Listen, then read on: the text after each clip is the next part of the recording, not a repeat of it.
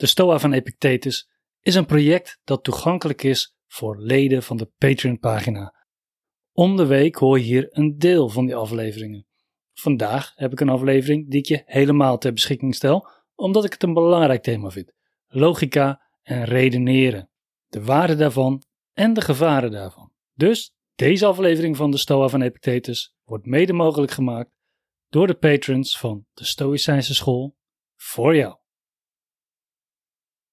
In deze Stoa gaan we direct door naar hoofdstuk 8, want die hangt samen met hoofdstuk 7. Want daar spreekt Epictetus over de gevaren van de logica voor ongescholden.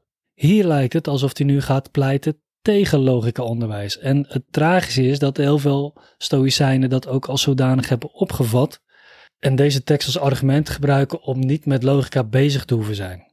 Maar wat duidelijk wordt uit deze twee hoofdstukken, dat Epictetus hier twee verschillende publieken voor zich heeft.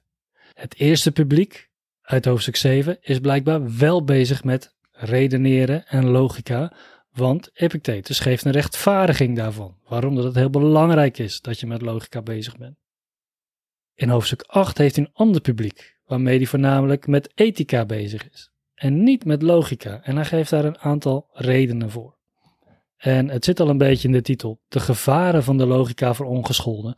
En ongescholden zijn in dit geval mensen die nog onvoldoende bekend zijn met filosofie of met stoïcisme. Zeg maar de eerstejaars studenten op een willekeurige filosofieopleiding.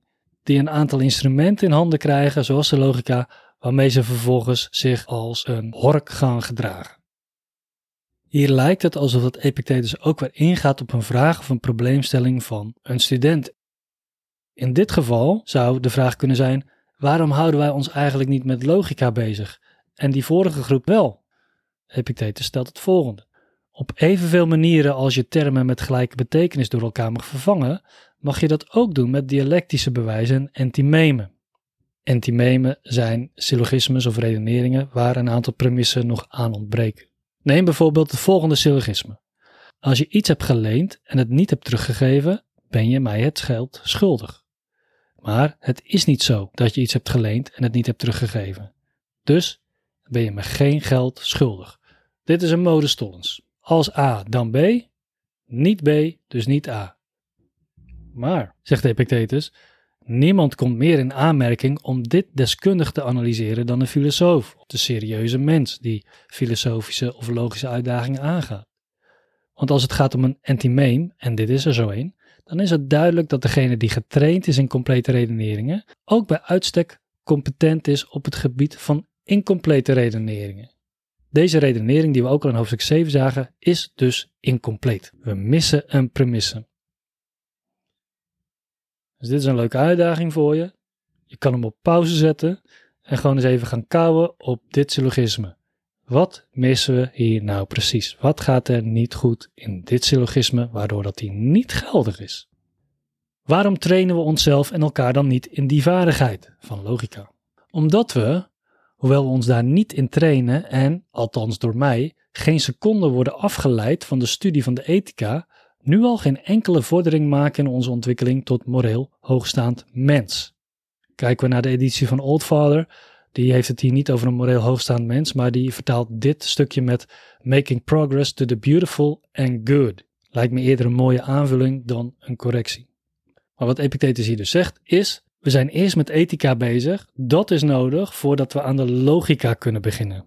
En daarmee verwijst hij naar een andere discussie binnen de Stoïcijnse filosofie, namelijk als we drie fundamenten hebben, de fysica, de logica en de ethica, met welke moeten we dan beginnen? Wat is de absolute basis? Begin je eerst met logica, zodat mensen helder kunnen gaan redeneren en dan kunnen inzien wat hun ethische plichten zijn? Of begin je juist met de fysica, zodat mensen weten waar ze nou precies zijn en welke rol ze spelen in het grotere geheel, zodat ze beter kunnen gaan redeneren? Of begin je met de ethica?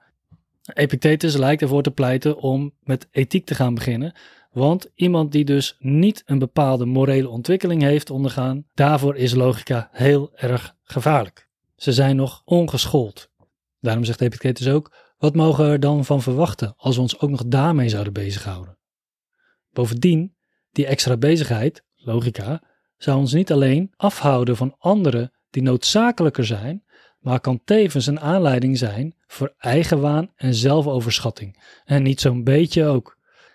Want de redeneerkunst heeft grote overtuigingskracht, vooral als je er goed in hebt geoefend en je er ook nog over een fraaie stijl van spreken beschikt. Iedere vaardigheid brengt namelijk risico's met zich mee voor mensen die niet filosofisch geschoold zijn en ook nog aan karakterzwakte lijden. Het kan leiden tot verwaandheid en opschepperij.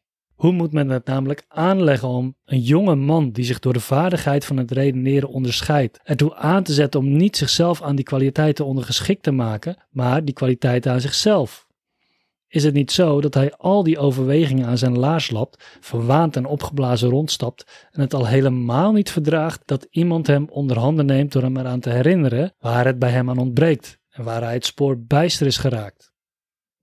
Dit is een beetje het typische voorbeeld van die onverdraaglijke eerstejaarsstudent die binnen een paar maanden zoveel meer kennis te horen krijgt en vervolgens denkt dat hij alles weet.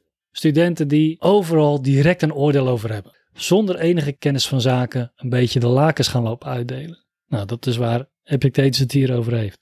Zorg eerst dat het qua karakter en ethiek goed zit. Ga dan pas met de logica aan de slag. Hij krijgt een tegenwerping. Maar Plato, was dat geen filosoof? En hij geeft terug, was Hippocrates geen dokter? Toch drukt hij zich heel goed uit. Dat zie je zo. Hij had een goede retorische skills.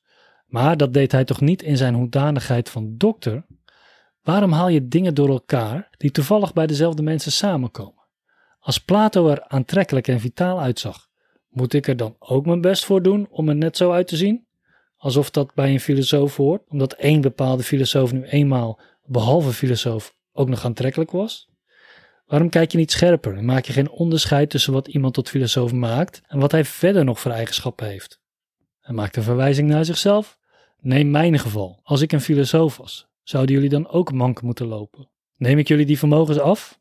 Geen sprake van. Ik neem jullie toch ook niet je gezichtsvermogen af? Nou, toch? Als je mij vraagt wat het hoogste goed voor een mens is, dan heb ik maar één antwoord: de toestand van zijn morele keuze, van zijn proairesis. En dan is de cirkel eigenlijk rond met hoofdstuk 7, want die proairesis kunnen we ontwikkelen in een betere toestand brengen door te leren redeneren maar dus ook onze redeneringen in de praktijk te brengen in de vorm van plichten. Takeaway van dit hoofdstuk is dus niet dat we gewoon logica overboord kunnen gooien, want het gaat om ethiek, wat Epictetus hier lijkt te zeggen. Maar als je het binnen een groter geheel bekijkt, niet direct beginnen met de logica. Ga eerst maar eens beginnen aan ethiek. Je morele goedheid verder ontwikkelen, zodat je die logica ook op de goede manier kan inzetten. We zien hier dus duidelijk in hoofdstuk 7 een gevorderde klas en in hoofdstuk 8 waarschijnlijk een beginnersklas. Oké, dit is dus een van de meerdere hoofdstukken in Epictetus waarin hij pleit voor het belang van logica. Dat moeten we niet zomaar veronachtzamen, daar moeten we mee aan de slag. En voor ons vandaag de dag kunnen we dat best wel goed doen. Er zijn heel veel goede handboeken over logica, logisch redeneren en kritisch denken. Dus als je het idee hebt dat je daar nogal wat kan winnen, ik zou zeggen, ga ervoor. Om te zien hoe logica steeds weer terugkomt in de Stoïcijnse filosofie, sluit ik deze af met een fragment van Marcus Aurelius, persoonlijke notitie 4 uit boek 4, waarin we die als-dan redenering, die modus ponens, waar ik net naar verwees, ook terug zien komen. Hij schrijft: Als wij mensen het denken gemeen hebben, is ook de reden waardoor we redelijke wezens zijn iets gemeenschappelijks dan is ook de reden die voorschrijft wat wel en niet gedaan mag worden gemeenschappelijk. Als dat zo is, is ook de wet gemeenschappelijk. Dan zijn wij alle burgers. Als dat zo is, maken wij deel uit van een bepaalde staatsgemeenschap. Dan is de kosmos als het ware een staat. Want van welke andere staatsgemeenschap kun je zeggen dat alle mensen er deel van uitmaken? En aan die gemeenschappelijke staat ontlenen wij nu juist ons denken, onze redelijkheid en ons rechtsgevoel.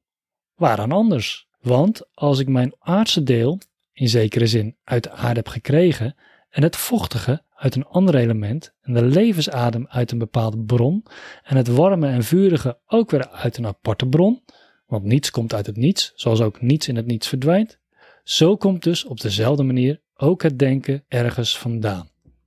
Hier heb je een schoolvoorbeeld van een redenering die bestaat uit verschillende premissen. Als je ermee wil oefenen, dan is het een hele leuke om die gewoon eens uit te pluizen en elke als-dan premisse eruit te halen en dan te kijken wat volgt daar dan uit.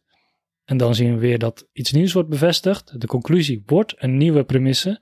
en weer een nieuwe als-dan redenering. En zo hebben we er straks wel drie of vier onder elkaar. En daar haalt Marcus een bepaalde conclusie uit. Wat we in ieder geval hier ook wel aan zien, is dat logica voor Marcus heel belangrijk is, omdat het een manier is om bepaalde principes, zoals in dit geval dat de mensen het redelijke denken gemeen hebben, om die opnieuw voor hemzelf in herinnering te brengen door hem opnieuw te bewijzen op een redelijke manier. Goed, dat was hem voor deze keer.